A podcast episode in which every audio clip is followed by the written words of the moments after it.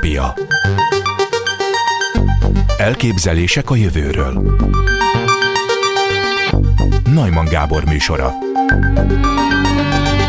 Csillagászok úgy vélik, hogy megtalálták az első közvetlen bizonyítékot arra, hogy egy új bolygó születik. Az AB Origé fiatal csillag körül, ami 520 fényévnyire található a Földtől, sűrű por és gázkorong kavarog. Az Európai Déli Megfigyelő Intézet sírében található nagyméretű VLT teleszkópjával a kutatók spirál szerkezetet figyeltek meg, közepén egy csavarszerű képződménnyel, ami a kutatók szerint azt jelentheti, hogy megfigyelhetik egy új világ formálódását.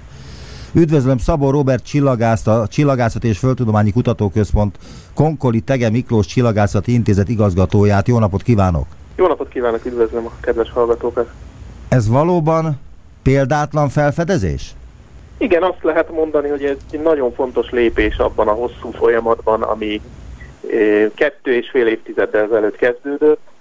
Ugye arról van szó, de igazából mondhatnánk akár az utóbbi 400 évet is, amikor kiderült, hogy nem a mi naprendszerünk, nem a mi bolygónk, nem a mi csillagunk van a világegyetem középpontjában, hanem egy, egy naprendszer vagyunk a világegyetem rengeteg naprendszerek között, a mi galaxisunkban is több száz milliárd csillag van, és kiderült az utóbbi kettő és fél évtizedben, erre utaltam, hogy ezek közül, körül a csillagok körül gyakorlatilag mind körül bolygórendszer kering, és ez kettő és fél évtizede, 25 évvel ezelőtt fedeztük fel az első ilyen exobolygórendszert, ami a mi naprendszeritől kívül van, Nobel-díj is jár, járt érte tavalyi esztendőben.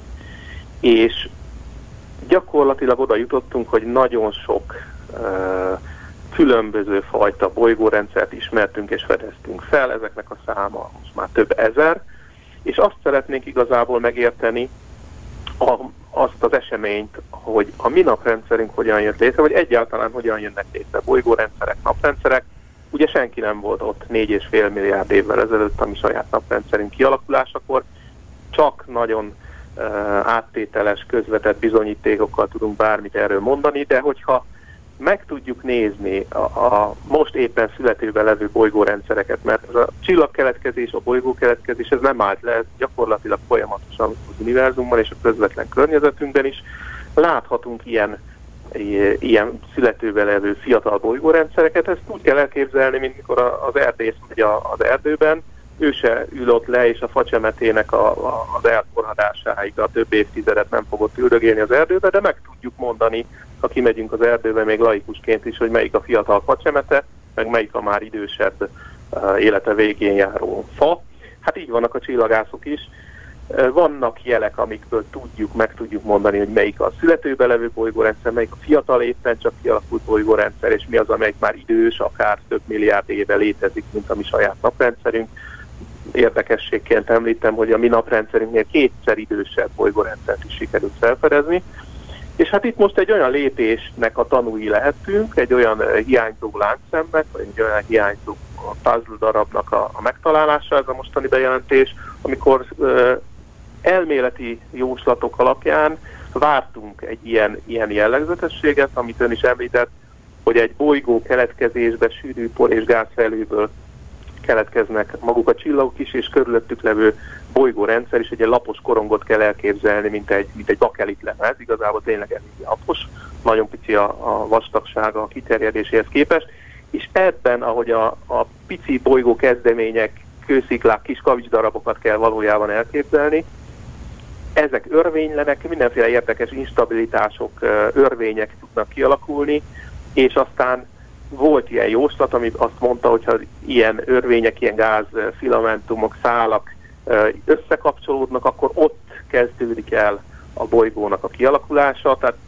gyakorlatilag tényleg a teremtésnek a, a, a saját szemünkkel való látás, vagy legalábbis a kiterjesztett érzékszert, inkább ugye távcsőről van szó, ami optikai, illetve infravörös tartományban uh, fényképezte, valóban egy képet tudott alkotni nagyon különleges technikával egyébként mindenféle trükköt is be kellett vetni, de a lényeg az, hogy, hogy ezt az elméletek számítógép képernyőjén már korábban látott és megjósolt jelenséget, ezt most le tudta fényképezni, és gyakorlatilag tényleg egy kézzelfogható bizonyíték arra, hogy ott azon a helyen egy bolygó rendszer, egy adott bolygó kialakulása zajlik. Ami persze nem azt jelenti, hogy tegnap még nem volt ott a bolygó, holnap meg már ott lesz egy kész bolygó, ez is több tízezer évig, százezer évig zajlik, és ennek egy, egy mozzanata az, amire most a mozzanatát sikerült megragadni az Európai Déli Obszervatórium egyik legfejlettebb távcső, obszervatóriumában és egyik legnagyobb távcsővel a világon.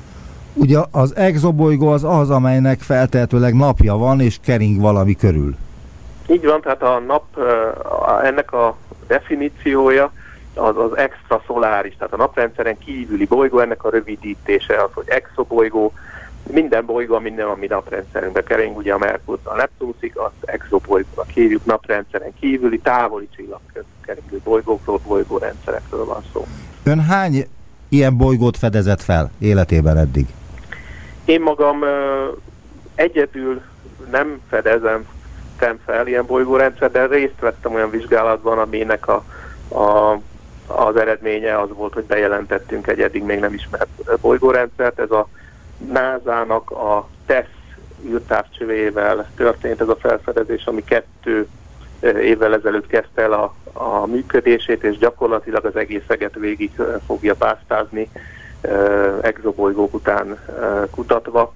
A módszer, a felfedezés lényege az pedig az, hogy a, a bolygó, hogyha elhalad látszólag a csillagkorongja előtt, akkor egy nagyon pici fényességcsökkenést fog okozni, és mivel még a legnagyobb távcsövekkel sem tudjuk felbontani a távoli csillagokat korongá, csak pontszerű fényforrásokat látunk, ezért a mérésmenete az úgy néz ki, hogy nagyon sok csillagnak nagyon sokáig meg kell figyelni nagy pontossággal a fényesség változásait, és hogyha ilyen pici periódikus elhalványodásokat találunk, amit célszerűen az űrből tudunk jól elvégezni, nagy pontossággal és megszakítás nélkül, akkor gondolhatunk arra, hogy egy exobolygó kering a távoli csillag körül. Amikor felfedezték ezt az exobolygót, akkor mit tettek annak érdekében, hogy ezt valamilyen módon el is nevezhessék?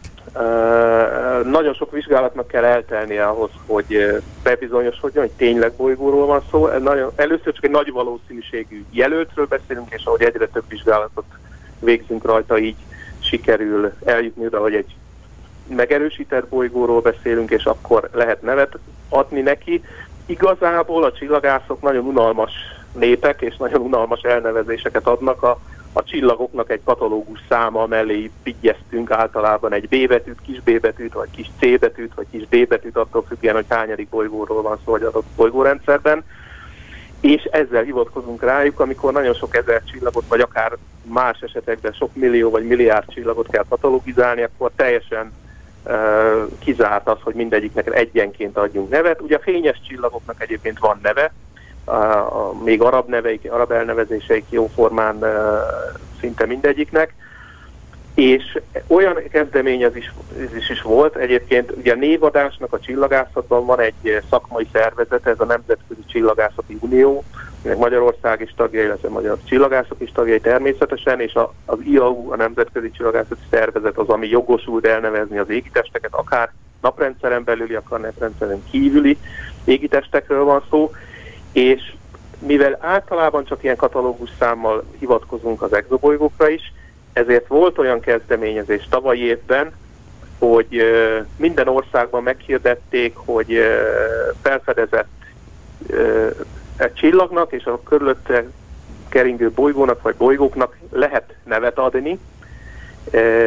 Az adott népnek nyelvnek megfelelő, tehát akár egészen exotikus afrikai törzsek is el, nyelvén is el lehetett nevezni exobolygókat, és ez hivatalossá vált, később lehet így is hivatkozni rájuk, és Magyarországon is volt ilyen verseny, laikusok, érdeklődők küldhettek be javaslatokat, és volt egy bizottság, amely kiválasztott magyar bolygó neveket is, és örömmel mondhatom, hogy Hunor nevű csillag körül Magor nevű bolygó elnevezése történt meg, tehát van magyar elnevezésű exobolygó, és ez nem az, amit mi fedeztünk fel, ez Bakos Gáspár, Amerikában élő csillagász fedezte fel csapatával, több tucat ilyen bolygót már, már száz, akár több százat is fedeztek fel, nem is tudom pontosan a számot, de nagyon nagy hatékonysággal fedezik fel az exobolygókat. Ezek közül az egyik, tehát magyar felfedezésű exobolygónak sikerült magyar nevet adni, Hunor és Magor.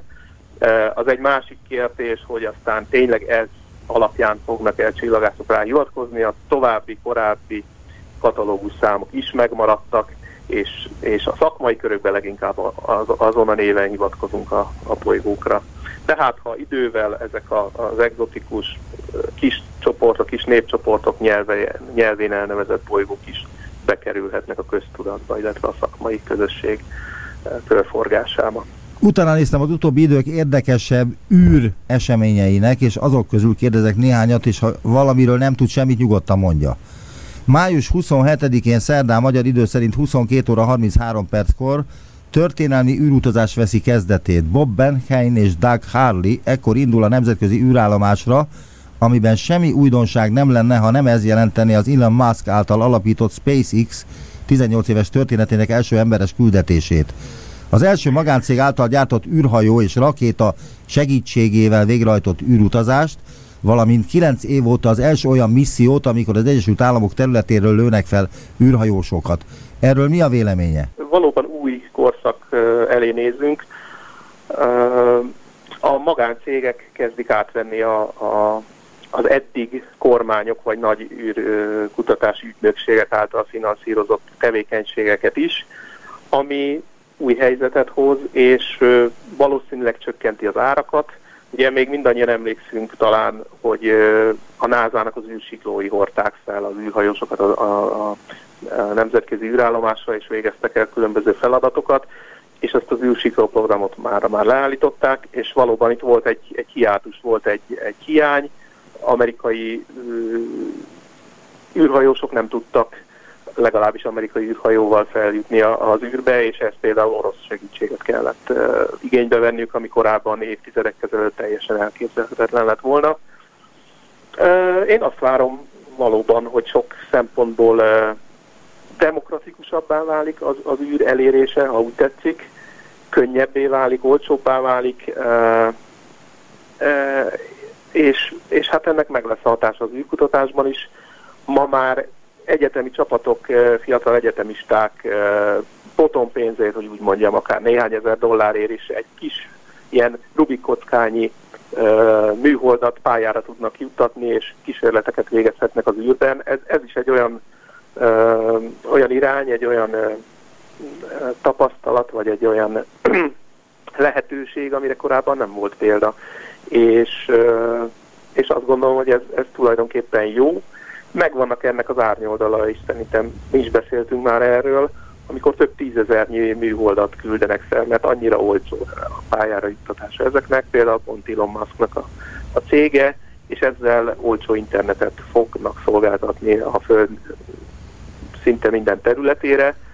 Ugyanakkor viszont a csillagászok ezt nagyon nem veszik jó néven, mert gyakorlatilag lehetetlenné teszi a Föld felszínéről a, a a csillagok, csillagképek megfigyelését, és ez laikusoknak is feltűnt, rengeteg telefon kapunk, időnként ilyen néhány hetente néhány tucat műholdat pályára állítanak, és akkor, amikor elkezdik az űrbeli útjukat, földkörüli pályájukat, akkor nagyon fényesek tudnak lenni, ezt egy szabad szemmel is nagyon feltűnőek ezek a egy vonal mentén, mint a vadkacsák, vagy nem is tudom, a libák egy sorban menetelnek, néhány másodpercenként követik egymást az égen, ez, amíg csak néhány tucat műholdról beszélünk, ha nincs is semmi probléma, de több tízezer vagy több százezer műhold fogja az égboltot ellepni, akkor ez, ez valóban megnehezíti azoknak az akár milliárd eurós vagy dolláros berendezéseknek, tudományos műszereknek a, a használatát, amiben nagyon sok ország nagyon sok pénzt fektetett. Nem lehet sajnos minden megfigyelést, minden csillagászati megfigyelést az űrből végezni, vannak olyanok, amiket igen, van, amiket viszont kevésbé, és arról nem is beszélve, hogy ez gyakorlatilag a természetnek is kárt okoz, károsítja a természetet, vannak olyan éjszakai állatok, amik csillagok alapján, holdfázis alapján tájékozódnak, itt, itt még lehetnek problémák, akár az élővilágban, a, a biológiai sokszínűségben, illetve a egyáltalán a biológiai diverzitás fenntartásában. Ilyen, ilyen banális dolgokkal, amire nem is gondol az ember, hogy föl, földövünk néhány ezer műholdat, és, és ez bizony problémát okozhat. Egy eddig ismeretlen szupergyors pulzárt azonosított a 27 ezer fényévre található Herkules csillagkép Messier 92 gömbhalmazában a Mennyország szemeként is emlegetett FAST nevű félkilométeres apertúrájú egytányéros kínai rádióteleszkóp, amelyet januárban élesítettek. Hát az előbb felolvasott hír eléggé sok ismeretlenes, legalábbis a laikusok számára. Kezdjük a pulzárral, mert már nem biztos, hogy mindenki emlékszik rá, emlékszik rá, hogy mi is az. Ez egy rádió hullámokat sugárzó égitest, nem? Így van, ez egy nagyon kompakt égitest, ugye pulzár, ez egy neutron csillag valójában, egy összeomlott csillag, egy nagy tömegű csillagnak az összeomlott maradványa. Azt kell tudni róla, hogy egy ilyen 10-15 kilométer nagyságú, tehát egy nagyobb város kiterjedésébe van belezsúfolva egy teljes csillagnak a, az anyaga, iszonyatos sűrűségű, teljesen e, nem hétköznapi állapotban található ilyen égitestben a, az anyag. Azt szokták mondani, hogy egy ilyen kávéskanálnyi vagy, vagy kockacukornyi anyag mennyiség az akár e, több millió tonnát is nyomhat tehát nem hétköznapi uh, anyagról beszélünk, és ezek, a, ezek az égitestek nagyon gyorsan tudnak forogni, és mint egy uh, fény, mint egy világító torony, gyakorlatilag a rádiótartományban ilyen sugárzási csóvát bocsátanak ki, és ahogy forognak, ugyanúgy, mint ahogy egy a, a, a a világító toronyban a fényforrás forog, és ezt látjuk villogni. Ezek a égitestek a rádiótartományban bocsátanak ki periódikus jeleket. Ez az, amit rádiótávcsővel lehet megfigyelni és érzékelni. Igen, de elnézést. Halló? Halló, itt vagyok. Hall, hall engem? Mert most, ez... most megint jobban, igen. Most minden elromlott itt már a basszám. Egy, kettő, három, minden elromlott. Halló? Halló, itt vagyok, igen. Most hall engem? Most jól hallom, az előző kérdésnek is egyébként a felét elvesztettem, csak próbáltam kitalálni, hogy miről van szó. Igen, jó, most jó. Azt kérdezném, hogy és mi az a mennyország szeme? Hát ezt nem tudom most így megmondani. Lehet, hogy nekem ez kimaradt. Hírben volt ez a rádiótávcsőnek volt a neve? Vagy nem, elolvasom még egyszer azt a hírt. Bocsánat, de... mert nem hallottam, igen. Egy-kettő. Teljes izé. Én nem, nem ez, ez, ez a stúdió az elromlott, de megpróbálom befejezni azért az interjút. Jó? Jó, jó, próbáljuk meg, igen. Be, megpróbálom befejezni azért, akkor ezt hagyjuk ezt, akkor ezt nem kérdeztem. Azt, azt kérdezem, hogy mit szólt ahhoz, amikor az Európai űrügynökség két kiló rukkolamagot küldött fel a nemzetközi űrállomásra, hogy megnézzék, hogyan hat a zöldségre a kozmikus sugárzás, illetve az utazással járó megpróbáltatások majd visszaszállították őket a földre, hogy megvizsgálják azt is, hogy tönkre mentek-e, de nem mentek tönkre. Hát ezek mindenképpen érdekes kísérletek, eh, olyan szempontból, hogy hogyha valaha az emberiség hosszabb űrutazásra indulna, például a Marsra, ugye erről nagyon sok szó esik, akkor feltétlenül meg kell azt oldani, hogy eh, akár élelmiszer termesszen, vagy pedig a Holdon egy állandó bázis jönne létre, és ezekről a dolgokról viszonylag keveset tudunk, amióta ugye űrutazás létezik, és az űrkorszakba léptünk, azóta lehet egyáltalán ilyen dolgokat vizsgálni. Erre nem is gondoltunk korábban. Ugyanúgy az emberre is hat a súlytalanság, ugye a mikrogravitáció, az, hogy csontjainkra nem úgy hat a gravitáció, hogy itt a Földön megszoktuk. Ez embert is nagyon meg tudja próbálni, és, és bizony ma még nem vagyunk százszázalékosan felkészülve több hónapos űrutazásra, hosszú űrutazásokra. Ezek, ezek nagyon fontos vizsgálatok az emberiség, emberi szervezetre való hatások talán a legfontosabbak, és ugyanúgy a növények, kisebb állatok szervezetére, fejlődésére, milyen hatással van a kozmikus sugárzás, ugye nagy energiájú sugárzásról van szó, aminek ki vagyunk téve, hogyha kilépünk a Földünk védőburkából, mágneses teréből és, és légköréből, ami ezeknek a sugárzásoknak a nagy részét kiszívű, eltéríti és megvéd minket tőle. Ez nincsen, hogyha kilépünk a Föld légkörén kívülre. A másik lehetőség az lenne, hogy hatalmas, vastag ólomfalakat építenénk az űrhajóra, ez kivitelezhetetlen technikailag, e, így tudnánk magunkat megvédeni, vagy a növényeket, állatokat, amik éppen ott vannak az űr, űrállomáson, vagy az űrhajón.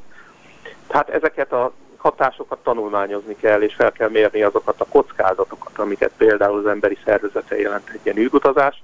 Hát ugye nem kell messzire menni már a, a hatalmas távolságokat rep, repülő utasszállító repülőgépek sofőrjeinél, illetve tehát pilótáinál és, és utaskísérőinél is mérik ezt a sugárzást. Már ott mondjuk 10 km magasságban is jóval kisebb az a szűrőhatás, amit a mi földi légkörünk tud nyújtani az utasoknak. Ők sem repülhetnek korlátlan ideig, és, és hát itt, itt fölléphetnek olyan hatások, amikre itt a Földön nem is gondoltunk, nem olyan egyszerű öntözni, nem olyan egyszerű tápanyaggal ellátni ezeket a, a, a növényeket, hogyha növényekről beszélünk éppen. Ezek mind nagyon-nagyon fontos kísérletek annak az érdekében, hogy egyszer valamikor a Földről az emberiség kiléphessen hosszú távra, akár a Holdra, akár a, akár a Marsra, legközelebbi égitestekre. Én azt gondolom, hogy ez elérhető, akár még a mi életünkben, vagy néhány évtizeden belül, de ahhoz ilyen pici, apró lékos munkát is el kell végezni. Nem csak az űrhajót kell jól megtervezni, nem csak a védelmét az, az élőlényeknek, hanem bizony ilyen növénytermesztési, állattenyésztési kísérleteket is kell végezni az űrben, és ez ennek a, a rukkola kísérlet, ennek a, a, a nagy kirakós játéknak egy kis darabkája. Az amerikai űrkutatási hivatal, a NASA áprilisban díjazta a legújabb innovatív terveket. Ezek egyike az egy kilométer átmérőjű parabola antenna a Hold túloldalán kialakítandó Holdkráter rádióteleszkóp, amelyről a csillagászat.hu közölt összefoglalót régebben. A 10-50 méteres hullámhosszakon, vagyis a 6-tól 30 MHz frekvencia tartományban működő rádiótávcsővel a csillagászok az eddig hozzáférhetetlen korai világegyetemben nyerhetnének bepillantást. Azt is jelenti, hogy akár az ős robbanásig is visszanézhetünk? Hát igen, gyakorlatilag arról van szó, hogy ugye az ősrobbanásnak a tényét és egyáltalán az, e, abból az időszakból való információnak a többségét megfigyelési oldalról azt a rádiótávcsövekkel tudjuk. Így is fedezték fel a múlt század közepén, hogy ugye az, az, az a megfigyelési tény, hogy minden galaxis távolodik tőlünk gyakorlatilag, elég messzire nézünk, egy minél messzebb vannak, annál gyorsabban távolodnak tőlünk, az azt implikálja az a, az a következtetés, hogy valamikor egy nagyon sűrű, nagyon kis térrészből kellett kiindulni ennek az egész történetnek, az egész univerzumnak, és ennek a hatalmas robbanásnak, vagy, vagy kezdetnek meg kellett, hogy maradjon valamiféle sugárzása, hogy elkezdett hűlni, ez ö, ö, ugye minden test gyakorlatilag, ami, ami nem az abszolút nulla fokon létezik, az bocsát ki valamilyen ö, sugárzást ö, magából, mi magunk is sugárzunk, ezért működnek az infravörös távcsövek és az infravörös kamerák és megfigyelőberendezések, ugye az élőlények is bocsátanak ki ö, valamilyen sugárzást, és hát az univerzum is csak már elég sok ideje volt lehűlni, de ez a háttérsugárzás, így is hívjuk egyébként, ez megvan az univerzumban, és a, a, ezt a rádiótávcsövekkel ebben a rádiótartományban lehet legjobban megfigyelni, e, és igazából az abszolút nulla hőmérséklet fölött e, körülbelül három fokkal, tehát nagyon-nagyon hideg, de mégis nem, nem teljesen nulla hőmérsékletű e, sugárzásról beszélünk, és ezt lehet megfigyelni rádiótávcsövekkel, és nem csak ennek, a, ez, ez, ez önmagában, hogy ezt megfigyelték, szintén Nobel-díjat ért, és ez egy nagyon fontos dolog, mert megerősíti azt a képünket, hogy, hogy hogyan és miképpen alakult ki az univerzum, és mi magunk hogy kerültünk ide, egy nagyon-nagyon hosszú történet végén.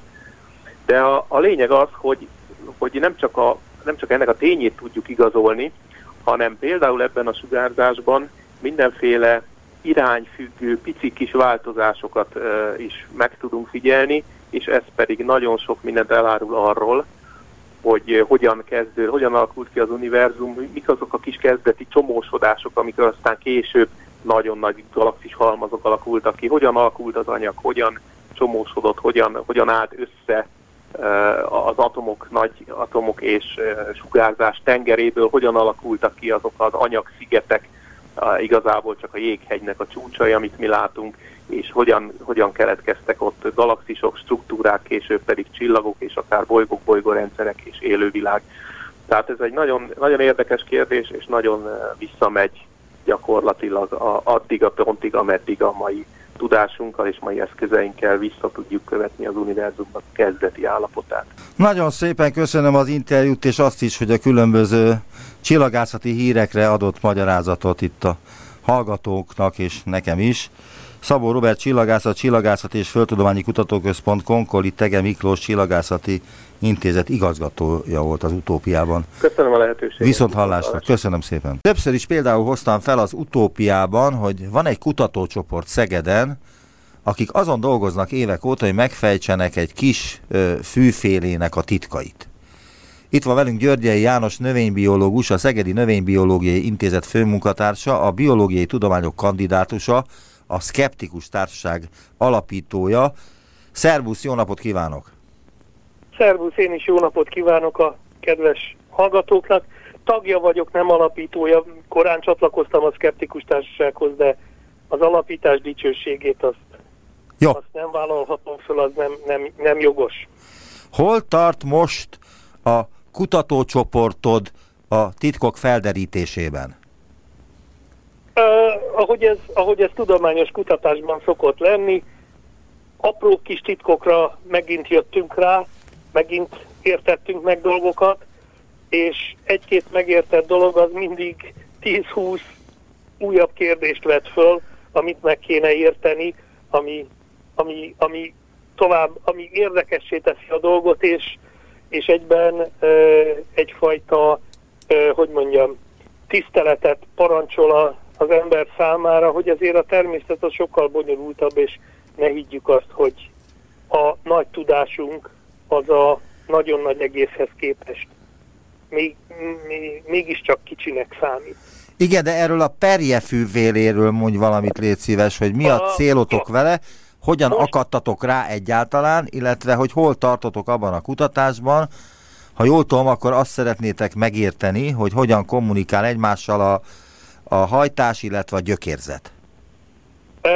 Most éppen ebbe az irányba mentünk el az elmúlt egy-két évben, ugyanis elkezdtük vizsgálni ezeknek a szálkaperjéknek a szárazsághoz, a vízhiányhoz való viszonyulását, és azt láttuk, hogy olyan gének, amik a növény védekezésében a, a szárazság tűré, szárazsággal szembeni védekezésében vesznek részt, azok között, a gének között vannak olyanok, amik a nap különböző szakában különböző mértékig működnek a növény gyökerében. És akkor föltettük a kérdést, hogy vajon ez a napon, napi ciklus szerint változó működést, ezt mi szabályozhatja, és eljutottunk odáig, hogy ö, megerősítettük azt, amit egyébként más növényekben részint sejtettek, részint gyanítottak, hogy ennek a fűfélének a gyökerében is kiválóan működik az úgynevezett cirkadián óra, ami, ami, a, ami emberben is, állatban is, sőt akár baktériumokban és növényekben is vannak, a belső biológiai óra, ami a napi ritmust szabályozza. És ebben az az érdekes, és az a, az, az a kicsit meglepő, hogy a, biológi, a napi ritmus szabályozó biológiai óránknak a legfőbb szabály, külső szabályozó beállító jele az a világosság, a fény.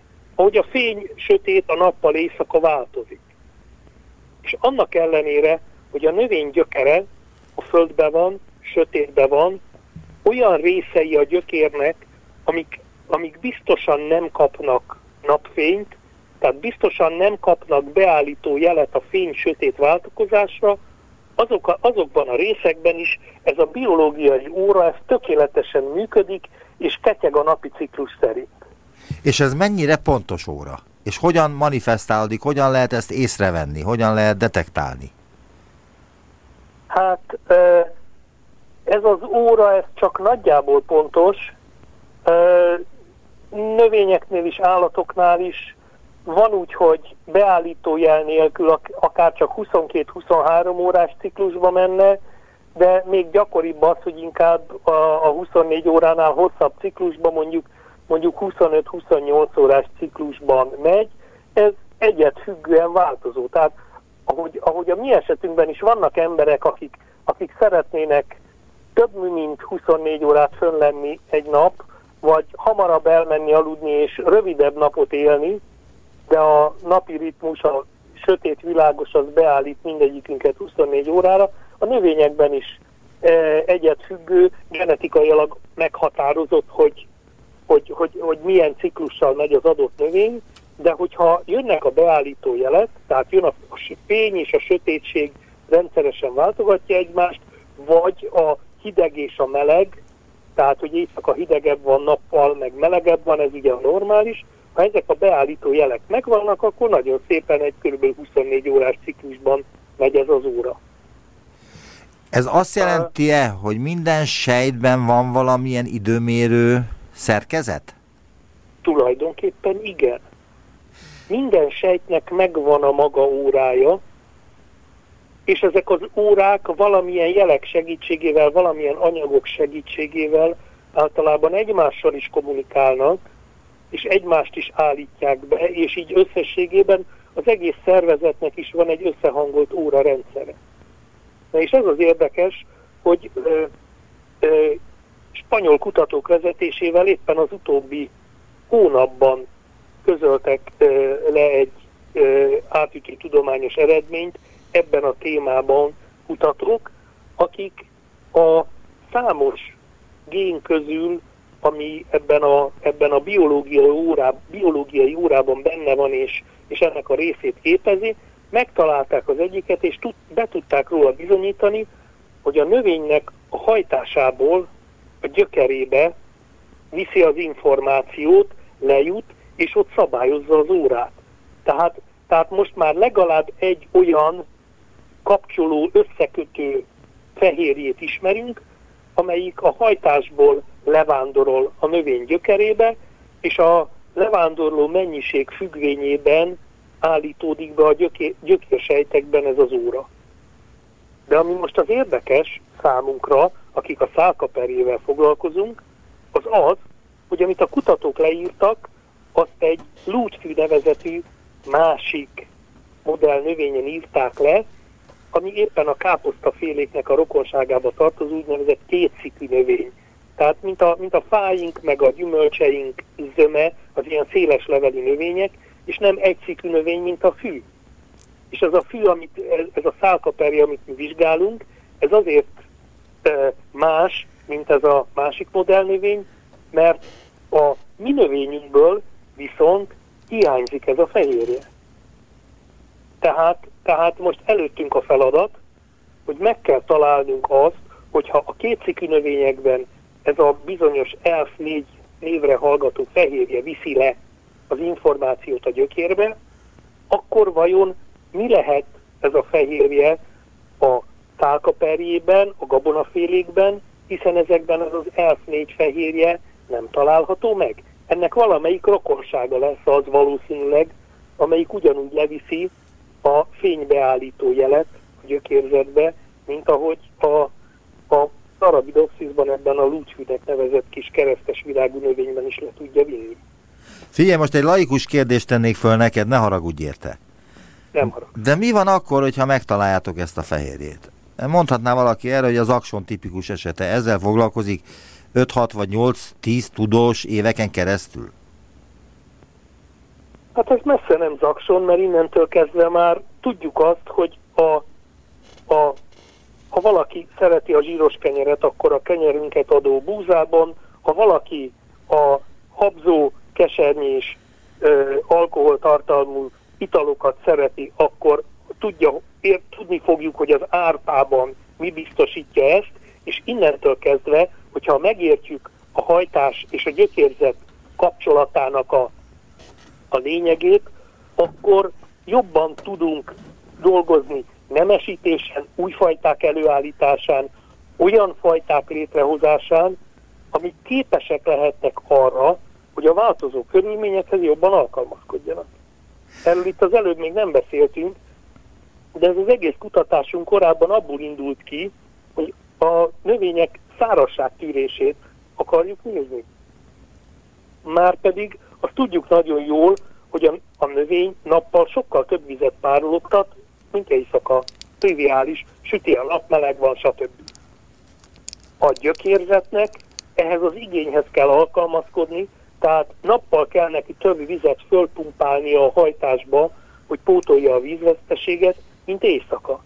És ezért van értelme, gyakorlati jelentősége, és a növény túlélése szempontjából is e, súlya annak, hogy a gyökérben ketyeg ez a napi óra, és a napi óra szabályozza, hogy a gyökérzetnek mikor mennyi vizet kell fölvenni és fölpumpálni, és nem az van, hogy a gyökérzet úgymond akkor eszmél, amikor fönt már nagyon sok víz hiányzik, hogy húha, pótolni kéne, hanem tudja, hogy jön a reggel, jön a nappal, elkezdi pumpálni a vizet, mert nőni fog fönn a fogyasztás.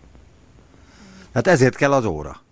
Mert ezért hogy nem, lá, nem látja, hogy feljön a nap, de tudja azt, mert az órája az van, mutatja, hogy hány ezért, óra van. És ezért kell megértenünk azt is, hogy a hajtás órája és a gyökér órája milyen kapcsolatban van egymással, és ezek hogy tudják egymás működését szabályozni és összehangolni. Ebből lehet-e arra következtetni, hogy a, az élőlény, a élőlények között nem csak a növényeknek van ilyen időmérő szerkezetük, hanem az állatoknak is van. És a sejtjeinkben, akár az ember sejtjeiben is van valami időmérő, ami összehangolja a sejteket, és valahogy az egész szervezetünk tudja, hogy mennyi idő van. Van, van, igen. A, az állatokban, emberben működő cirkadián órát már hamarabb felfedeztük, és hamarabb kezdtük el vizsgálni, mint a növényekben. De ami ebben az igazán érdekes, hogy a több milliárd éve kialakult ősi egysejtű szervezetekben is megvannak már primitív formában ezek az órák. Hogy nevezted, hogy milyen óra ez?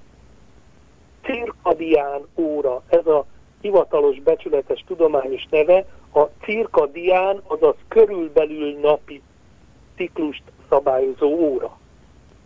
Gyakorlatilag, amikor, az, amikor az, az élővilág kialakult, való, nyilván Föld akkor is forgott, akkor is volt nappal éjszaka váltakozás, akkor is volt napi hőmérsékleti ciklus, és ehhez a, ehhez a változó környezethez már, már milliárd évvel ezelőtt is igyekeztek egy ilyen szabályozó rendszer kialakításával alkalmazkodni az akkor létezett élőlények, hiszen aki jobban tud alkalmazkodni a környezethez, az jobb, az jobb eséllyel fog fönnmaradni.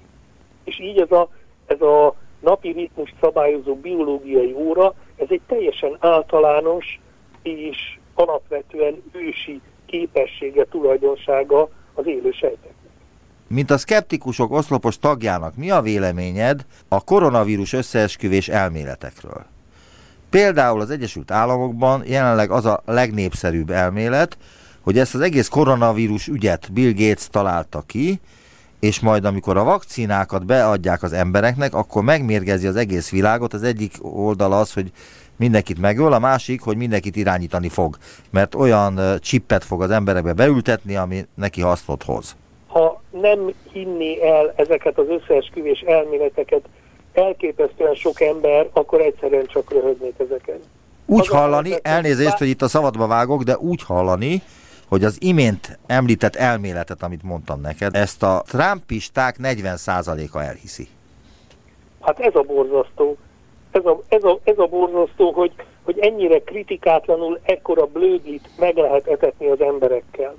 És bármi történik a világban, bármilyen aktuális esemény, technológiai fejlesztés, valami újdonság, akkor pillanatokon belül kialakulnak rá idétlen összeesküvés elméletek, akiknek ahelyett, hogy, ahelyett, hogy a világ megértésével foglalkoznának, megpróbálnak mindenféle logikai cukaharákkal előadott magyarázatokat kreálni arra, hogy miért üldöz minket a világ, és miért vannak összeesküvők a világban pont ellenünk.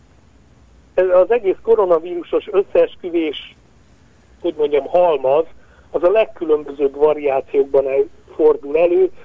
Nem csak Bill Gates találta ki a koronavírust, a koronavírust azt a kínaiak is fejlesztették azért, hogy a, a nyugati civilizációt összeomlasszák, a bárki csinálhatta a koronavírust az összeesküvés elméletek szerint, az 5G adótornyoknak a, a veszélyeivel is egyébként nem létező, de vélelmezett veszélyeivel is megpróbálják összemókolni a koronavírusokat, és valamiért az emberek szeretnek félni. Szeretnek külső veszélyeket láttatni, látni maguk körül, amik ellen össze lehet zárni, össze lehet fogni, és, és a csúnya gonosz ellenséges világgal szemben megvédeni magunkat, és a velünk, megegy, a, a velünk együtt hívőket, mint, hogy mondjam, az a, az a gyanúm, hogy ezeknek a konteóknak is közösségformáló ereje van. Tehát összehozza azokat az embereket, akik hajlandók vagy akarnak ugyanabban a blödli hülyeségben hinni. És innentől kezdve úgy érzik, hogy nincsenek egyedül, nincsenek magukra hagyva, hiszen találtak másik három majmot, aki, aki a laposföldben hisz, vagy abban, vagy abban hisz, hogy, hogy a, a koronavírust akarják aktiválni az 5G adótornyokkal. Tök mindegy. De azt mivel magyarázod, hogy ez nem uh, valami távol-keleti országban, ahol esetleg az oktatás még nagyon gyerekcipőben jár, hanem ez Angliában történt, ahol, és történik, ahol felgyújtják ezeket az 5G tornyokat, mert hogy ezzel terjesztik a koronavírust. Sőt, nem csak 5G tornyokat, egyéb tornyokat is felgyújtanak, amikről azt hiszik, hogy 5G torony, de hát mindegy, mert úgy néz ki, hogy a az összeesküvés elméletekre való fogékonyság, a, a, a konteózásra való hajlam, az, az nem függvénye az általános tudásszintnek és, a, és, a, és az általános oktatási színvonalnak. Magasan, magasan képzett emberek körében is jelentős számban fordulnak elő konteóhívők, a diplomások azok bonyolultabb konteókban, bonyolultabb összeesküvésekben hisznek, mint, az egy, mint a tanulatlan, képzetlenebb emberek, de az a helyzet, hogy nincs nagyságrendi különbség az összeesküvésben hívők arányában az alacsonyan vagy magasan képzett szegmensében a társadalomnak, és így az országok között sem. Csak, a, csak az összeesküvés elméletek miensége ott ahol, ott, ahol magas képzettségről beszélünk, ott, ahol jó oktatási színvonalról beszélünk, ott általában bonyolultabb, szofisztikáltabb összeesküvés elméletekben hisznek az emberek. Míg máshol a nagyon egyszerű, boszorkányos, varázslásos és egyéb számunkra már kizárólag csak mese kategóriába tartó összeesküvés elméleteket kreálnak. Ennyi a különbség. Végül a koronavírussal kapcsolatban kérdeznélek, hogy te mit gondolsz, mikorra tudják a tudósok előállítani az ellenszerét, a vakcinát, illetve még annyit kérdeznék, hogy hogy lehet, hogy ez a kis pár sejtből álló szervezet, amit sokan még élőlének se tartanak. Sőt, ez nem is sejtből áll, csak pár fehérjéből. Vagy pár fehérjéből álló ö, ö, vírus. Hogy lehet, hogy ez ennyire bonyolult tud lenni, hogy a világ legnagyobb koponyája óriási pénzügyi ráfordítással sem képesek megtalálni a titkait? Képesek rá, meg lesz. Hát ha belegondolsz abba, hogy a koronavírus, mint, mint az evolúció egyik legújabb terméke, legújabb eredménye, valamikor a tavalyi év vége felé jelent meg, alakult ki a világban, most ott tartunk, hogy eltelt egy, egy jó fél év, és már megvannak az első viszonylag jó vakcina jelöltjeink rá. És e, igazából e, azt gondolom, hogy a világban már megvan a jó vakcina, csak még nem tudjuk melyik az.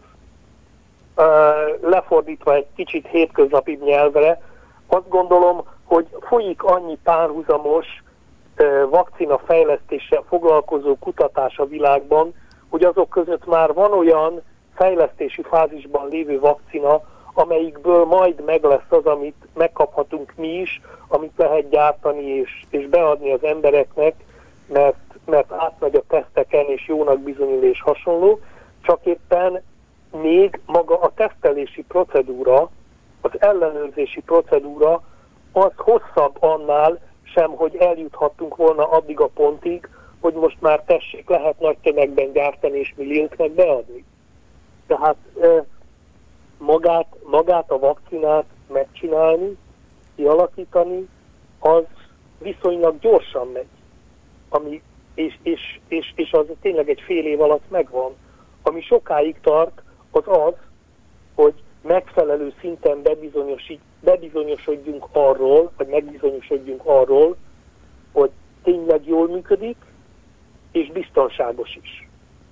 Tehát ne az legyen, hogy úgymond többe kerül a leves, mint a hús, hogy megcsináljuk a vakcinát, ami ugyan védetté tesz a, a vírussal szemben, de olyan súlyos mellékhatásai lennének esetleg, ami, ami miatt több embernek okozna kisebb-nagyobb bajt, mint, a, mint ahányat megvéd a vírustól. Ilyet nyilván nem szabad, tehát alapos tesztelés kell, ellenőrzés kell, egy csomó biztonsági klinikai vizsgálat, és majd utána lehet ezt kiadni széles körű felhasználásra egészségügyi forgalomba. Ez tart sokáig, és szerintem ez lesz az, ami talán az év végéig, talán a jövő év közepéig el fog tartani, amikorra, amikorra tényleg piacra kerülhet az a, az a vakcina, amiből, amiből majd be lehet tárazni elég sokat ahhoz, hogyha bárhol újra felüti a fejét jelentősebb mértékben ez a, ez, ennek a vírusnak a, a fertőzése, akkor ott az embereket villámgyorsan be lehessen oltani. Nagyon szépen köszönöm az interjút Györgye János növénybiológus, a Szegedi Növénybiológiai Intézet főmunkatársa, biológiai tudományok kandidátusa, a Skeptikus Társaság tagja volt az utópiában. Én, Szerbusz. én is nagyon szépen köszönöm. Viszont hallásra.